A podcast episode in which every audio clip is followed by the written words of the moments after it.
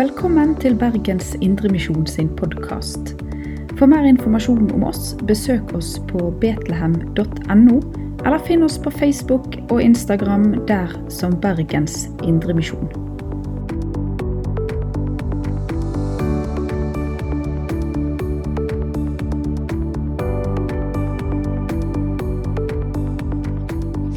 Hallo, hallo, alle sammen.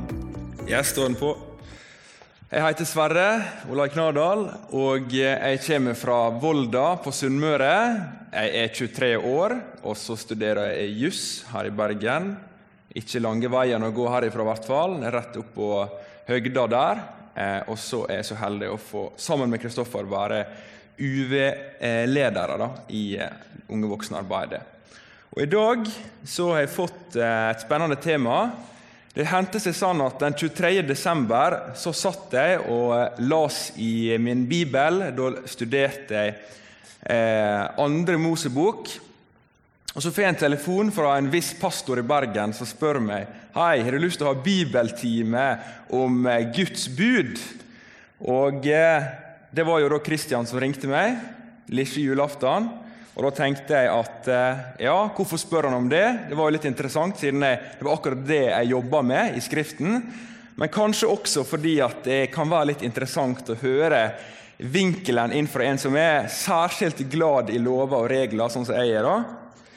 Så ja, i dag er det altså Det vi skal gjennom, er hvordan ga Gud lova? Hvorfor ga Gud lova til israelittene? Hvordan kan vi forstå lova? Eh, under reformasjonen så utvikla de seg en der en så lova ut fra tre ulike bruksmåter. Eh, og hva sier da Det eh, nye testamentet om, eh, om lova? Og eh, vi må, Før Gud gir de ti bud, så sier han nemlig det i 2. Mosebok kapittel 20, vers 2. Så sier han at eh, det var jeg som frelste dere fra trellehuset i Egypt. Altså, Måten Gud presenterer seg på når han gir lova, det er som en frelser. Det er som en frelser. Så utgangspunktet for at Gud gir ei god og hellig lov, er at han, det begynner med at det Gud har gjort, at han har frelst deg ut fra trellehuset, ut fra fangenskapet i Egypt.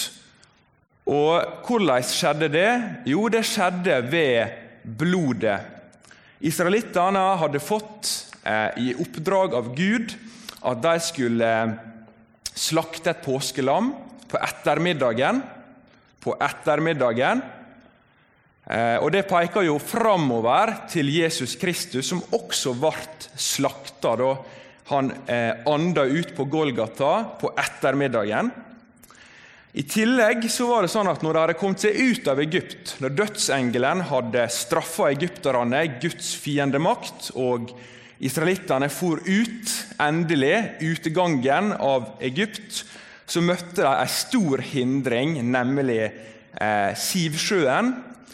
Og eh, de, eh, Gud redda dem, og de kom gjennom Sivsjøen tre dager etter at blodet var rent og de var frie fra Egypt. Så tre dager etter at de var kommet ut fra Egypt, så kom de, kom de helt fri. På samme måte som Jesus han døde på Golgata. Tre dager etterpå så sto han opp igjen fra de døde. Og Israelittene de hadde en retning. De skulle til det lovede land. Fordi Gud han hadde møtt Moses ved eh, Sinai-fjellet, ved den brennende busken. og Der hadde Gud sagt til Moses at du skal komme tilbake hit, for på denne plassen her skal dere feire høgtid. Dere skal komme ut hit og tilbe, dere skal tilbe meg. Så de hadde altså kursen rett. Hvis du har, nå er det vanskelig å fortelle med hendene mine, men hvis du har Egypt her, så har du det lovede land her. Så egentlig så skulle du bare være gå rett nordøst, men egypterne det her er Historikerne mener det at Egypt hadde en slags sånn stor forsvarslinje, eh, sånn at måtte, israelittene måtte faktisk sørover ned til Sinai-fjellet. Og Det var jo akkurat der Gud hadde sagt at de skulle tilbe ham. Så de måtte ta en stor omvei ned til Sinai-fjellet pga. Egypterne hadde en slags sånn forsvarslinje mot fiender til egypterne. Så på veien eh, nedover til eh, Sinai-fjellet så skjedde det litt forskjellige ting. Det ene som skjedde, var jo at folket de ble sultne. De måtte ha litt mat. Og Gud han sendte altså eh, brød fra himmelen for å mette dem. Akkurat på samme måte som når Jesus snakker i Johannes-evangeliet, så sa han at 'jeg er det brødet som kom fra himmelen'. 'Jeg er det som, mett, som metter magene deres en endelig sett'. Det er oppfyllinga av at Gud metta dem i, i ørkenen. Det at Gud sendte Jesus Kristus som skulle være det levende brødet som vi kan ete av. Og så, når de ble mette, så begynte de å klage videre, israelittene, for nå var de tørste. Ja, og da er det sånn at eh, Moses han eh, stikker opp til ei klippe, og så tar han staven sin, og så slår han hardt, så hardt han bare kan sikkert. En gammel mann på 80 år slår alt han kan mot klippen, og da fosser det ut en hel en hel eh, kilde da, ut fra den klippen, her, sånn at de kan eh, ikke være tørste lenger, at de kan få lov til å slukke tørsten. Og 1. Korinterbrev 10 sier at Kristus er denne klippa. Så når Moses slår hardt på klippa, så var det på samme måte som at Kristus ble piska hardt. Kristus ble slått hardt. Han ble korsfesta, og han døde. Og ut av han når, de stakk spydet inn i han, så fossa det ut vann. Og Bibelen forteller også det at eh, Jesus han har utøst sin ånd, sin levende ånd, til oss som tror. Det veller fram fra det indre, og det slukker vår åndelige tørst først og fremst. Og Når de kommer fram til Sinai-fjellet, så har Gud lyst til å eh, Det er ulike måter å se det her på. Han har lyst til å gi dem en slags grunnlov. Eh, han har lyst til å gifte seg med det folket her, faktisk. Eh, og noe spesielt som skjer, er bl.a. at israelittene de, de bryter buda veldig tidlig, og så lager de en avgud, en gullkalv. Og så begynner de å danse. Jeg skal ikke begynne å danse, her, men de begynner å hoppe rundt den gullkalven, og de synder mot Herren. Og Da blir 3000 straffa. 3000 dør av folket. Eh, det var den dagen Moses kom ned med steintavlene, de ti båd. Og Så sier da Det nye testamentet, 2. Korinterbrev 3 eh, bl.a., og flere andre plasser i Nytestamentet, og på, blant annet på pinsedagen, for på pinsedagen så står det at 3000 ble frelst.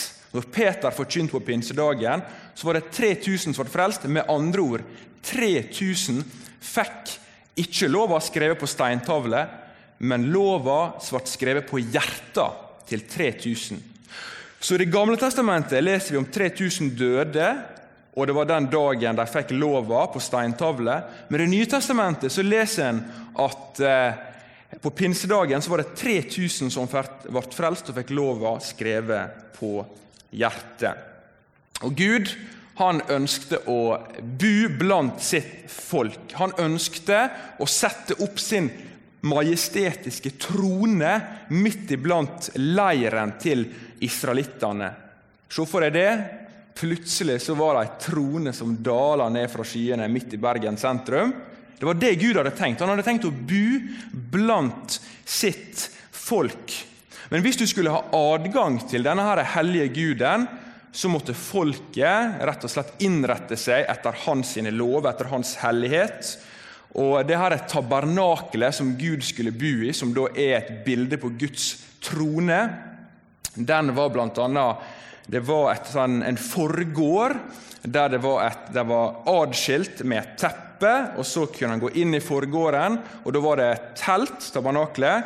Og Det var igjen enda et forheng med illustrasjon av noen kiruber som er engler, som da vokta det, teltet. Og Så skulle han gå inn i teltet, og da var det enda et rom som kalles det aller helligste. Det var der Gud bodde. da. Eh, og Det var også vokta av kiruba som var illustrert på det forhenget. da. Så Israelittene virkelig lærte seg det at Gud han, eh, han ønsker å bo med oss, men likevel så har vi en, sånn, vi har en slags distanse til denne guden her. da.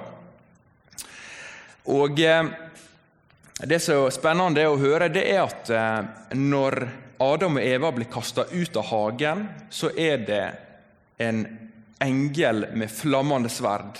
En kirub som passer på, for nå er de synda, og de må ut ifra eden, ut ifra Guds nærvær. Så igjen så ser vi at tabernaklet er bygd ut fra modellen av eden. Og Når vi leser i åpenbaringen, Johannes' åpenbaring kapittel 4, så lærer vi at rundt Guds trone der er det engler, der er det kiruber. Så kirubene er de som vakter Guds eh, nærvær. Og Gud Salmisten David han, han sa i Salme 139.: Hvor skal jeg flykte fra din pust? Om vi stiger opp til himmelen eller om det er til dødsriket. Det er ingen plass vi kan flykte fra Gud.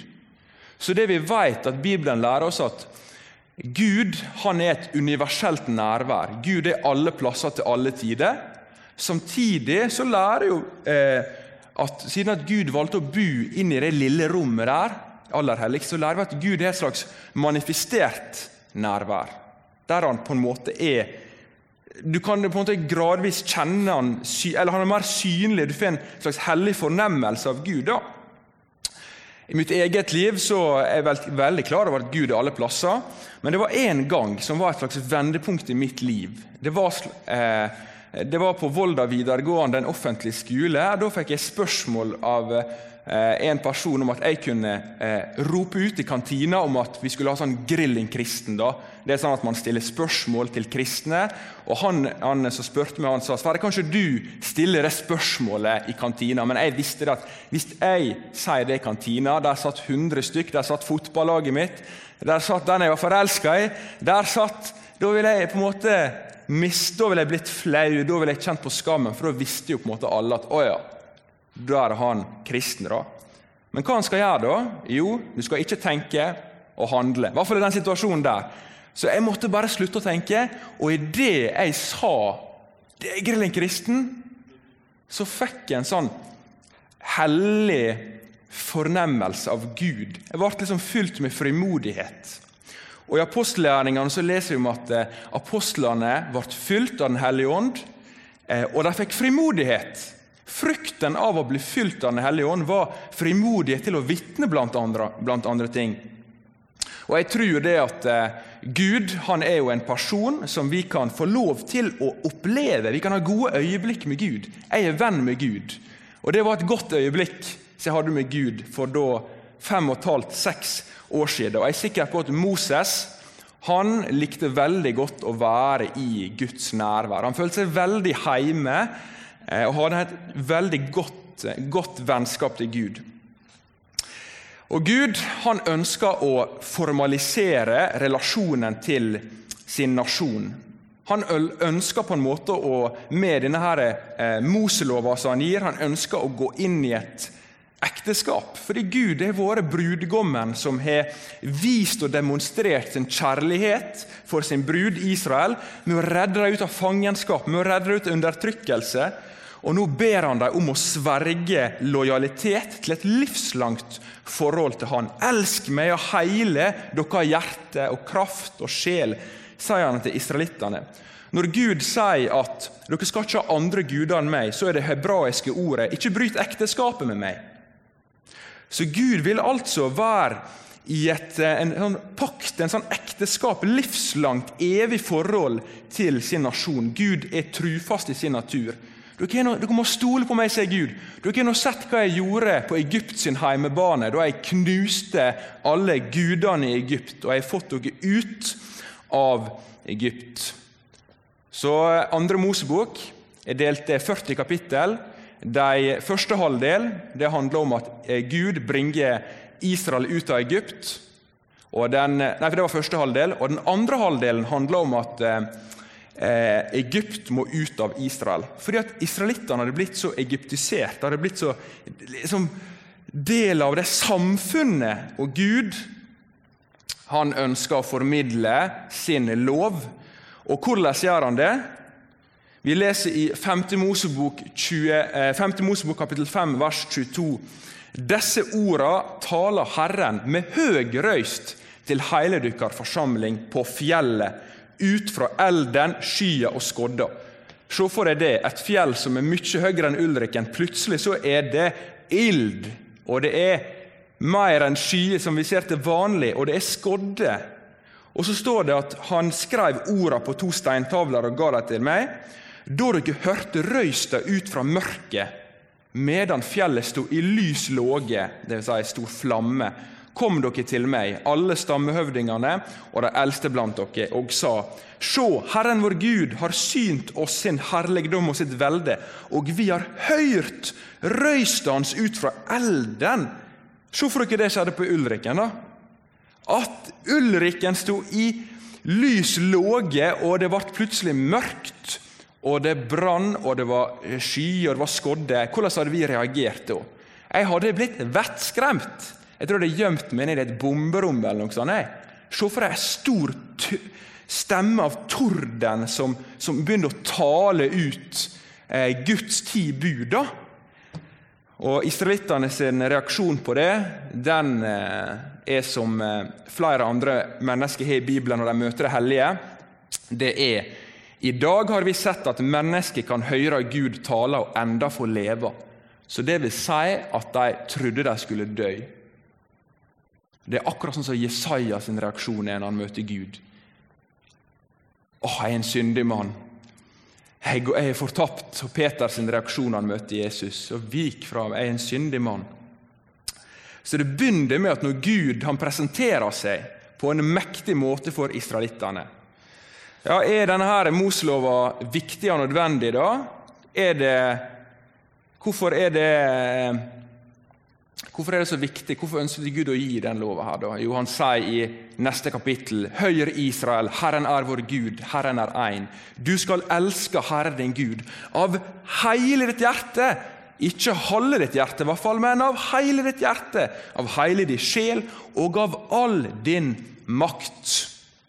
Det betyr ikke at vi skal gjemme oss i lønnkammeret og aldri gå ut derifra. For jeg tror vi gjør en feil om vi tenker dualistisk på at noe er hellig og noe er verdslig. Men derimot så tror jeg at all aktivitet som vi gjør, kan eh, kalles åndelig. da. Alle ting. Det å, eh, når mamma syr eh, skjortene mine, eller eh, når jeg leser studier, eller når jeg arbeider Alt kan bli åndelig. Det kan bli som til Herren. Vi kan elske Han. Disse ordene som jeg befaler deg i dag, skal du gjøyme i hjertet ditt. Ok, Er Moselova viktig? Du skal gjøyme den i hjertet ditt.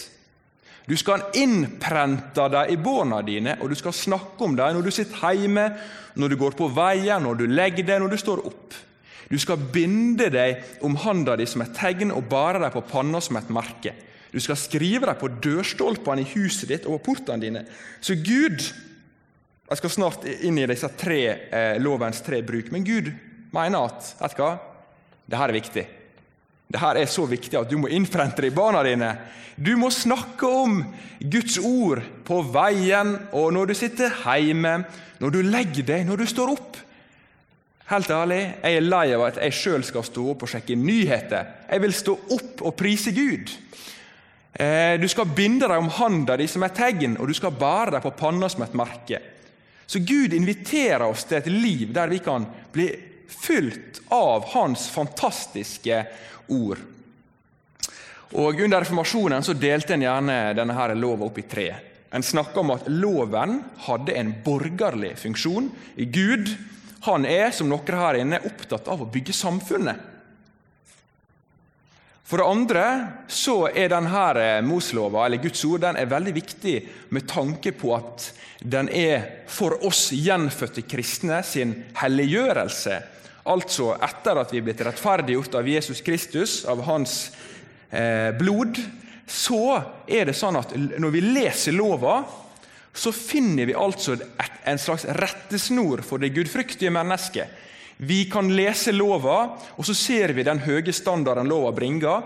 Og så ser jeg at, jeg, at eh, Gud Han ønsker at jeg skal leve etter denne lova, her, nemlig å ligne mer på Han, fordi lova uttrykker Han. Og For den tredje bruken er at lova avslører at vi er syndere. Og Sånn at vi må springe til Kristus. Så Her ser vi et bilde av Moses som jeg, eh, en kompis av meg tok for noen dager siden. Nei da, det er nok litt eldre enn det. På hodet av fjellet mottok han båda for hvordan samfunnet skulle bygges. Så Nå skal vi først snakke om hvorfor, her, hvorfor er Gud en samfunnsbygger. Hvorfor ønsker Gud gode samfunn?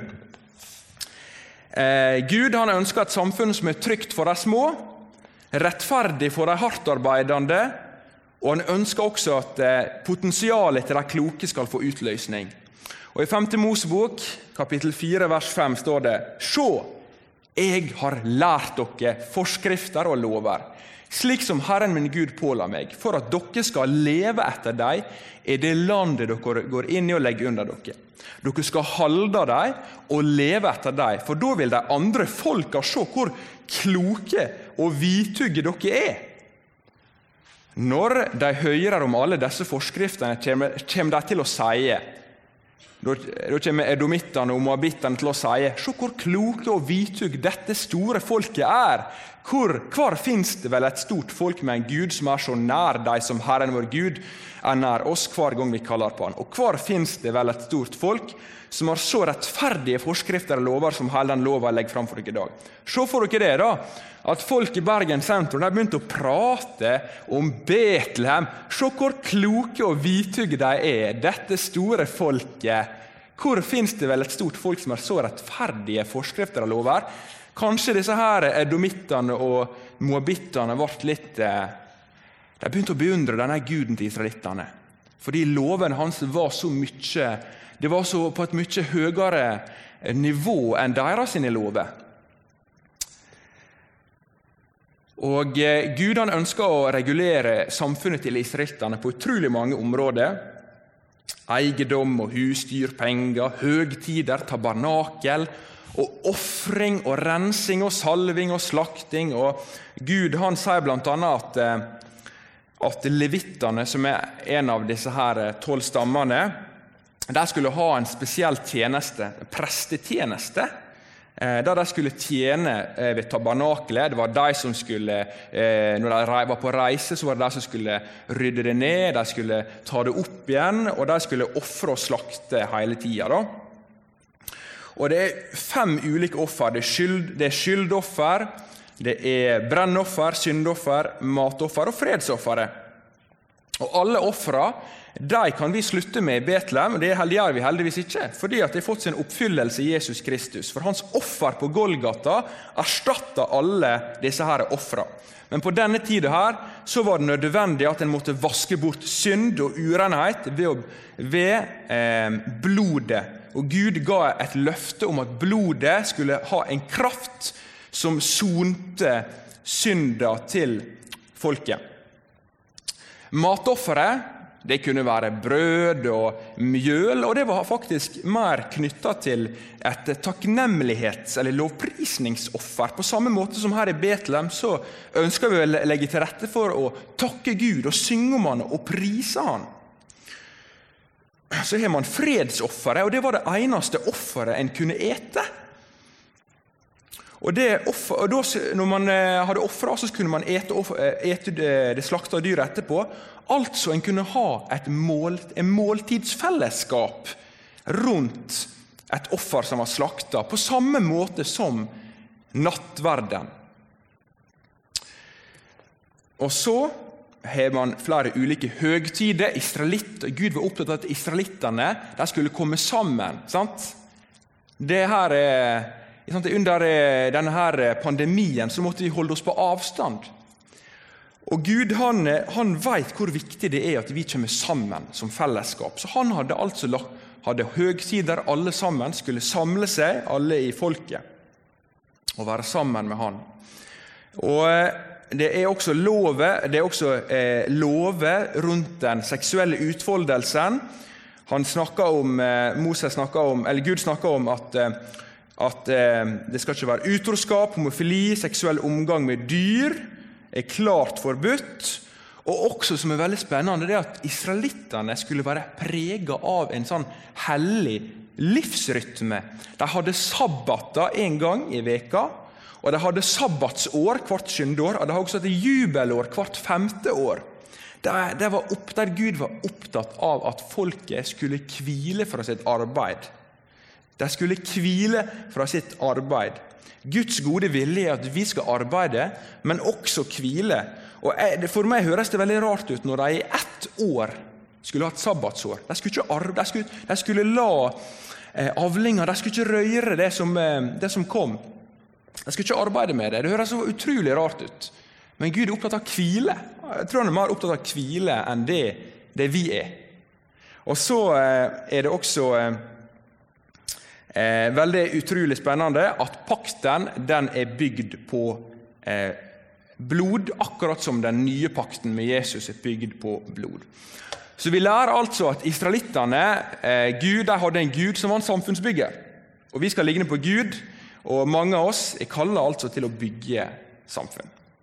Videre, Loven har også en annen bruk, mente bl.a. Martin Luther, og det var eh, deg og min, eh, deg og eh, meg sin helliggjørelse. Altså at vi kan få lov til å bli eh, lik Jesus. Fordi Jesus han er perfekt, og han holdt alle disse her budene her. Altså, vi skal elske loven. Men vi skal avsky tanken på at det er gode gjerninger som kan frelse oss. Gode gjerninger kan aldri frelse oss, for de er ikke gode nok. Fordi vi aldri greier å holde disse eh, lovgjerningene. Men likevel, når vi hører om lova, så lærer vi det at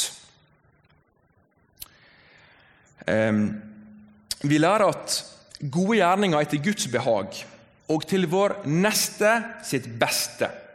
Vi gjør ikke de gode gjerningene av lovens tvang, at vi føler oss tvungen og frykter straff, men i Nye Testamentet lærer vi at Den hellige ånd han er drivkraften til det gode som vi gjør. I Filippane 2,13 står det at det er Gud som gjør at dere vil det gode, altså viljen til å det hele tatt gjøre det gode, den kommer fra Gud. 2. Timoteus 3,16 sa at hver bok i Skrifta er innblåst av Gud og er nyttig til tilrettevisning. Så denne boka her er absolutt nyttig til tilrettevisning. Og I 3. Mosebok kapittel 19 så sier Herren til Moses.: Tal til, til hele Israels forsamling og si til dem:" Dere skal være heilage, for jeg, Herren deres Gud, er heilag. Hver og en skal age for mor si og far sin og halde sabbatene osv. Så, så det, vi skal altså være heilage. Og Det sier også 1. Peter 1,15.: Vær hellig fordi jeg er hellig. Og eh, så er det sånn at eh, De ti båd det handler dypest sett om respekt. Hvis du går gjennom alle båda, så handler det om respekt for Gud, respekt for Guds navn, respekt for Guds dag, respekt for familielivet, skal hedre din far og din mor, respekt for livet sjøl, ikke myrde, respekt for ekteskapet, ikke bryte inn og ikke eh, bryte inn i andre sitt, Respekt for folk sine eiendeler. Du skal ikke stjele. Respekt for folk sitt rykte. Du må ikke vitne falskt. Respekt for det andre eier, som eh, det kan være huset og husdyra deres. Dermed kan det her de ti både oppsummeres i respekt. Respekter Gud. Og eh, Vi lærer også videre i hele Det gamle testamentet at det av lesing av lova det fører til helliggjøring. I eh, Josva så står det at eh, du, hvis du trufast helder denne lova eh, og følger den, skal du framgang i alt du gjør, og alt skal lykkes for han der Josva. Da. Og Jeg tror faktisk ikke at det var først og fremst at han skulle lykkes i å bare få israelittene inn i landet, men gjennom å lese lova så skulle han lykkes i å ydmyke seg for Gud, for på den måten være den, det Jesus-forbildet som skulle lede dem inn. Og I Salme 1 så står det at vi skal ha vår glede i Herrens lov og grunne på lova, for da skal det vi gjør, lykkes. Altså, Da vil vi bære åndens frukt, i motsetning til kjødets gjerninger. Og Vi har en annen lov i 5. Mosebok kapittel 17 om kongelova. Der sier Gud i vers 19, jeg understreker med svart der, så sier han at når dere krever en konge, så skal han lese i denne i lova alle sine levedager, så han kan lære å frykte Herren sin Gud. Og han skal holde fast på hvert et ord i denne lova og alle disse forskriftene og leve etter dem, så han ikke i hjertet sitt setter seg høyere enn landsmennene sine og, vik, og ikke vike av fra både korset til høyre eller til venstre. Da skal han og etterkommere hans ha kongsmakta i Israel lange tider.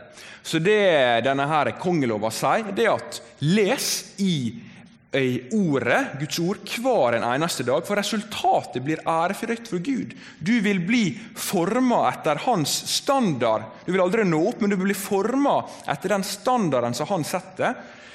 Og vi vet jo at Salomo han eh, ble jo senere konge, og han fikk så mange koner. Men var det, var det konene som gjorde at han synda og falt fra Herren? Eller var det at han slutta å lese i lova alle sine dager, og da slutta han å frykte Herren? Så jeg vil først og fremst si at Resultatet av at han fikk inn alle disse her konene sine som gjorde at han falt i synd, det var fordi at han ikke frykta Herren sin Gud, og Da kommer stolthet inn i hjertet, og da setter han seg sjøl høyere enn landsmennene sine og kan ikke være den gode kongen. Så han veiker av fra Guds ord, og da falt han. Her ser dere et bilde av hvordan israelittene sin hær var forma, der det er en sånn skysøyle over dem. Og På natta så var det en sånn eldsøyle over det teltet. da. Men du, vi må haste videre her, hvis jeg kommer gjennom. Og Nå skal vi inn i den avslørende funksjonen til loven. Her ser vi et bilde som eh, eh jeg ikke tok. Det er altså Dere ser veldig godt hva det er. Det handler om eh, en som skal dømme. Fordi at eh, en synder, han vil naturlig synde. Og det lova gjør, det må vi nesten finne ut av når Paulus skriver om den. For Paulus skriver i Romerne 7. Han skriver Veit dere ikke, mine søsken, for jeg taler til de som kjenner lova, at lova hersker eller rår over et menneske bare så lenge det lever? Ei gift kvinne er av lova bunden til mannen sin så lenge han lever, men dør mannen, er hun løst fra lova, så batt henne til mannen.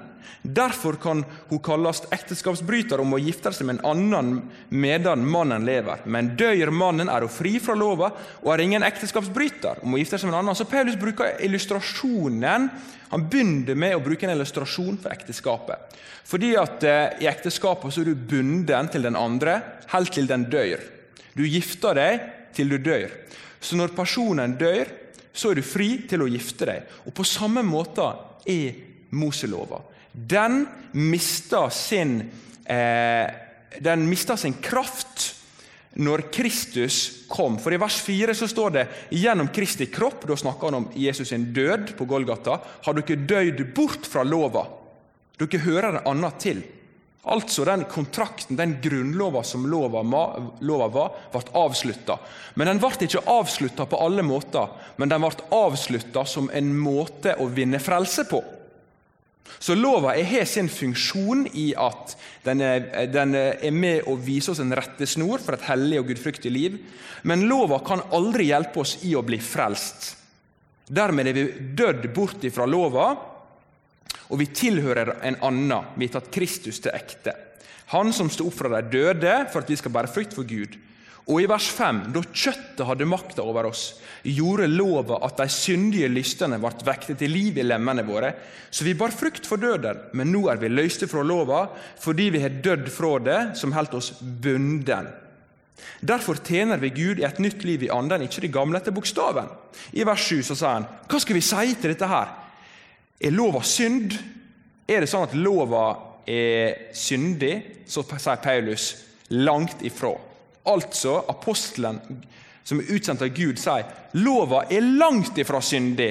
Den er heller overmåte god. Den er hellig. For det står her men uten lova hadde jeg ikke visst om synda. Jeg hadde ikke visst hva lyst er, om ikke lova sa 'du skal ikke lyste'. Jeg husker at Før jeg begynte å på en måte lese litt dypere i Bibelen, så var det flere ting jeg tenkte overordna. Sånn, du skal ikke stjele, du skal ikke bryte ekteskapet. Men plutselig når jeg leser Guds ord, så sier Jesus at eh, du lyster på, lyster på noen bare med tankene dine. Så har du eh, begått ekteskapsbrudd i ditt hjerte.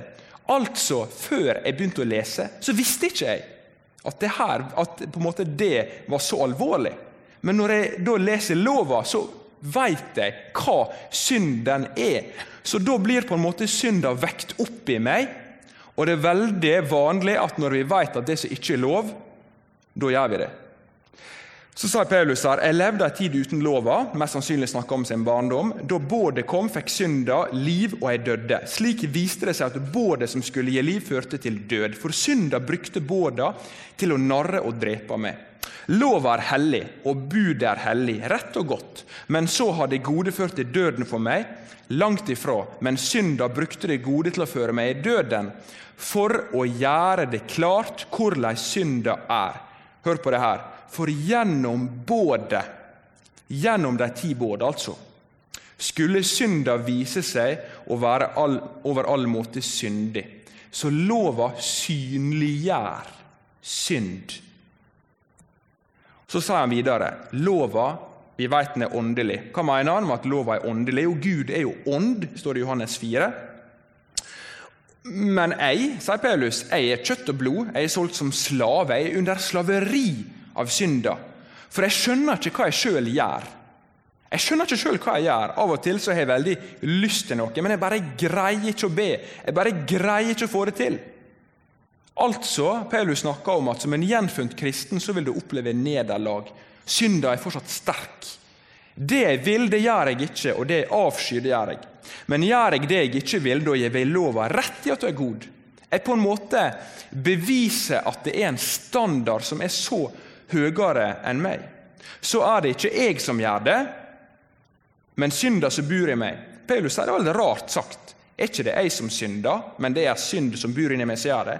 Ja, Det virker faktisk som at Paulus han identifiserer seg med at han er rettferdiggjort i Jesus Kristus, og at han videre at i meg bor det ikke noe godt, dvs. Si mitt kjøtt.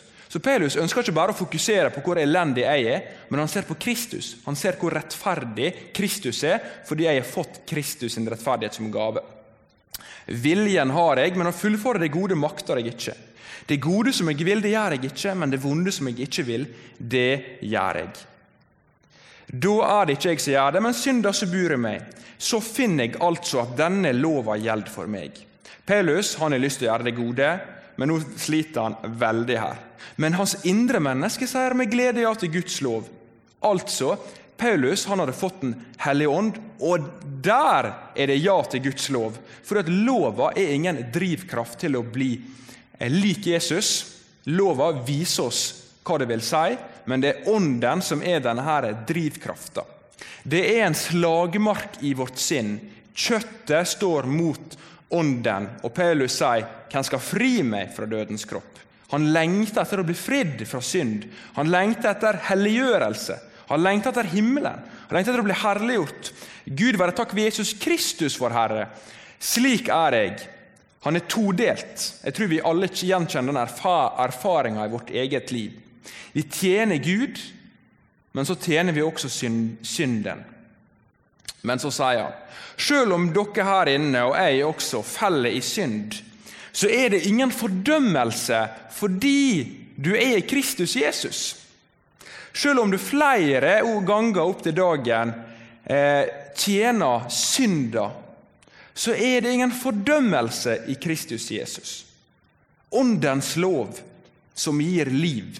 Altså Ånden. Det går også an å sigre.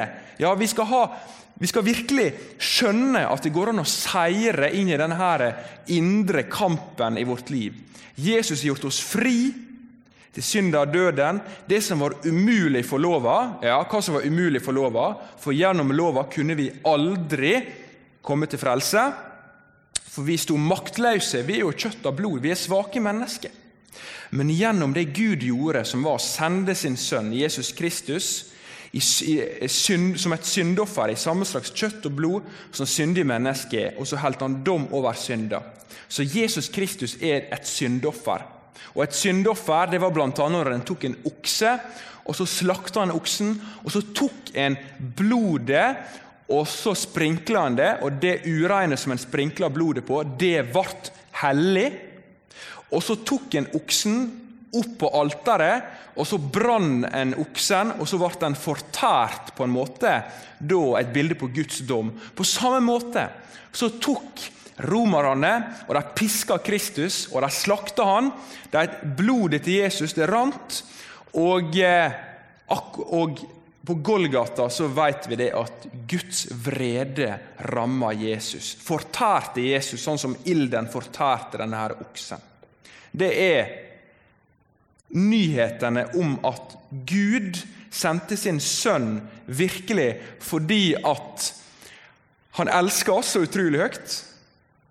Og han demonstrerer sin kjærlighet med at Kristus dør for oss på en, en så lidende måte det var ikke bare noe eh, en, en, ja, det var ikke en, en, enkel død, for å si det på den måten. Det var en smertefull død.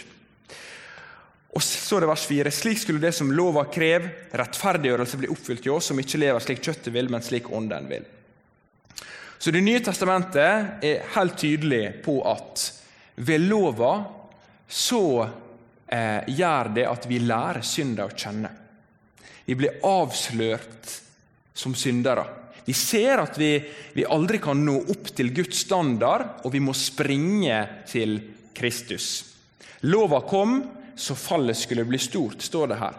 Men der synda var stort, ble nåden mye større. Og Galatane 4 spør hva skal lova tjene til? Jo, han sa faktisk her at lova var midlertidig. Lova var midlertidig fram til Kristus kom. I vers 23 Eh, vi kan si I vers 22 står det Skrifta har lagt alt under synd. For de som tror på Jesus Kristus ved trua si, kan få det som var lova. Før trua kom, så var vi holdt i varetekt under lova. Før Jesus kom, så lova var som et fengsel. Vi var innesperra. Og vi, vi, kan prøve å komme ut av det fengselet her. Vi kan prøve med en sånn liten gaff, kniv og prøve å skjære oss ut. Men det vil ta så lang tid det vil aldri gå. Og Hvis du prøver å komme deg ut, så står det en fangevokter der. Dermed er det umulig å komme seg ut av, ut av fengselet. Det kan kun være en som kommer utenfra fengselet og åpner opp og redder oss. Vi har innestengte fram til Kristus kom, og han er den redningsmannen som åpner opp fengselsdøra. Eh, nå når trua er kommet, er vi ikke lenger under vakteren. Så til avslutning noe kan oppsummere, og det er at jeg har snakka om lova. Den ble gitt som en gave til Guds folk.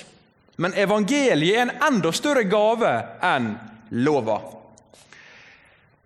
Vi har lært at eh, lova Gud er en samfunnsbygger.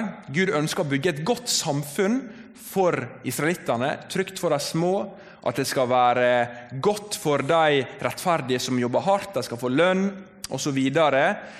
Gud ønsker at det gjenfødte mennesket, vi som sitter der inne, at vi skal bli, at vi skal bli helliggjort, vi skal ligne mer på Jesus. og Når vi leser om lova, så begynner vi å bli forma etter den.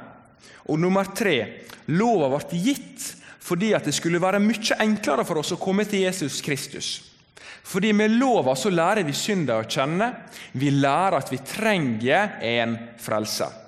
Noen utfordringer som dere kan tenke på videre i livet, det er Tenk mer på Guds godhet. Guds godhet i Det gamle testamentet. Ikke se på lova først og fremst som et strev som jeg må gjøre, men se på lova som et uttrykk for Guds nåde og kjærlighet og hellighet. At han er så annerledes og perfekt. Lova den gir oss et glimt inn i Guds tanke og vilje. Så dette er altså et stort steg for israelittene fra å være i Egypt til å rett og slett få en nåde til å bli bedre og bedre kjent med Gud. Så egentlig Første utfordring det handler om at eh, begynn å tenke på Guds godhet i Det gamle testamentet. Den andre utfordringa er at vi må tenke på lova som aldri en frelsesvei. Lova er ingen frelsesvei. Jo, det kan være det, men da må du holde alle buda. Alle buda, punkt og prikke, hvert et sekund. Og det greier ikke jeg, det greier ikke du, det greide ingen utenom Jesus Kristus. Så tenk på Guds lov heller en, eller tenk på Guds lov heller på en måte at jeg kan leve til behag for Gud med å leve etter buda. Nummer to handler altså om lev til behag for Gud med lova. Avsky og tenk på det som frelsesvei. Og nummer tre, tre utfordring er Gud han er veldig, veldig hellig. Det er mange av lovene der det er så Gud kan virke liksom så firkanta. Hvis, hvis, du var urein, så kunne ikke du eh, sitte på samme plass som den som var urein. Gud viser altså at han er veldig opptatt av hellighet, av renhet. Og vi er kalla inn i til å leve i verden, til å leve her i Bergen, inn i ei skal vi kalle det vrang og villfaren slekt. Vi er kalla til å være annerledes. Gud ønskte å sette sitt preg på israelittene og ønsker å gjøre dem annerledes. Jeg tror jeg skal avslutte med en, eh, en bønn. Jesus, jeg takker deg for eh, denne bibeltimen. her. Jeg ber om at ditt ord, Jesus, det må sette seg godt inn i hjertet til folket, Herre Jesus. Herre, jeg takker deg for at du er oppfyllinga av alle disse her ofringssystemene i Det gamle testamentet. At ditt blod det er det som gjør at vi kan komme rein innenfor deg. Vi kan komme inn i det aller helligste. Forhenget er revna, og vi kan være sammen med deg. Vi kan oppleve deg, og vi kan nyte deg. Vi kan være din venn, Gud. Vi kan være frimodige foran nådens trone når vi ber til deg om ting, Herre. Jeg takker deg, Jesus. Herre, jeg takker deg for eh, at du er mektig til å gjøre ting i forsamlinga, til å gjøre ting i Bergen, Herre. Og Jeg ber om at du skal øse ut din velsignelse på ditt folk her. Og jeg ber Jesus om at vi sammen kan få lov til å sånn som det står i, i, i kongelova i 5. Mosebok 17, at vi kan få lov til å lese Guds ord alle våre levedager og lære å frykte Herren, og ikke sette oss sjøl i hjertet vårt over andre mennesker. Jesus, det ber jeg om. Gjør oss ydmyke, og lær oss din gode vei for det livet du har tenkt for oss. Amen. Du har lytta til Bergens Indremisjon sin podkast. For mer informasjon om oss, besøk oss på betlehem.no, eller finn oss på Facebook og Instagram der som Bergens Indremisjon.